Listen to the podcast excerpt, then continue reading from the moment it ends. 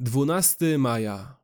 Dlaczego powinniśmy kochać naszych nieprzyjaciół?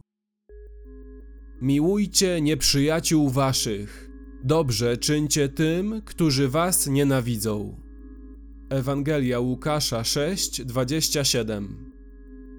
Istnieją dwa główne powody, dlaczego chrześcijanie powinni kochać swoich nieprzyjaciół i dobrze im czynić.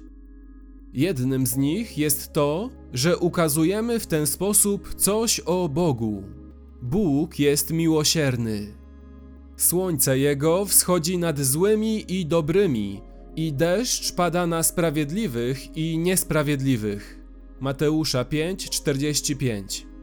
Nie postępuje z nami według grzechów naszych, ani nie odpłaca nam według win naszych. Psalm 103, werset 10. Bądźcie jedni dla drugich uprzejmi, serdeczni, odpuszczając sobie wzajemnie, jak i wam Bóg odpuścił w Chrystusie. Efezjan 4:32. Tak więc, kiedy chrześcijanie żyją w ten sposób, dzięki Bożej mocy pokazujemy coś o tym, jaki jest Bóg. Drugim powodem jest to, że serce chrześcijanina jest zadowolone w Bogu i nie jest kierowane chęcią zemsty, wywyższania się, pieniędzy czy ziemskiego bezpieczeństwa. Bóg stał się naszym wszystko zaspokajającym skarbem, dlatego nie patrzymy na naszych przeciwników z perspektywy poczucia własnej potrzeby i niepewności lecz z perspektywy naszego wypełnienia chwałą Boga, która daje zaspokojenie.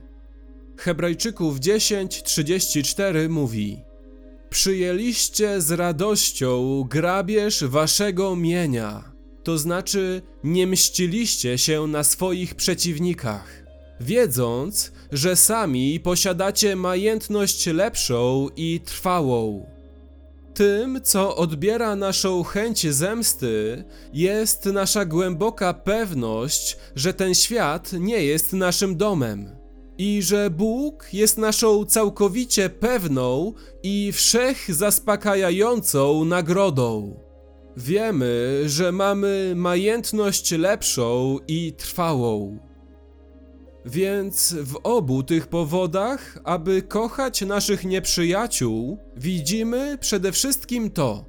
Bóg okazuje się tym, kim naprawdę jest, jako miłosierny i dający wszelkie zaspokojenie Bóg. Siłą do bycia miłosiernym jest to, że zostaliśmy usatysfakcjonowani miłosierdziem Boga względem nas. A ostatecznym powodem do bycia miłosiernym jest uwielbienie Boga, to znaczy pomoc innym w uwielbianiu Go za Jego miłosierdzie. Chcemy pokazać, że Bóg jest wspaniały. Chcemy, aby nasza miłość, dzięki Bożemu miłosierdziu, uczyniła Boga wielkim w oczach człowieka.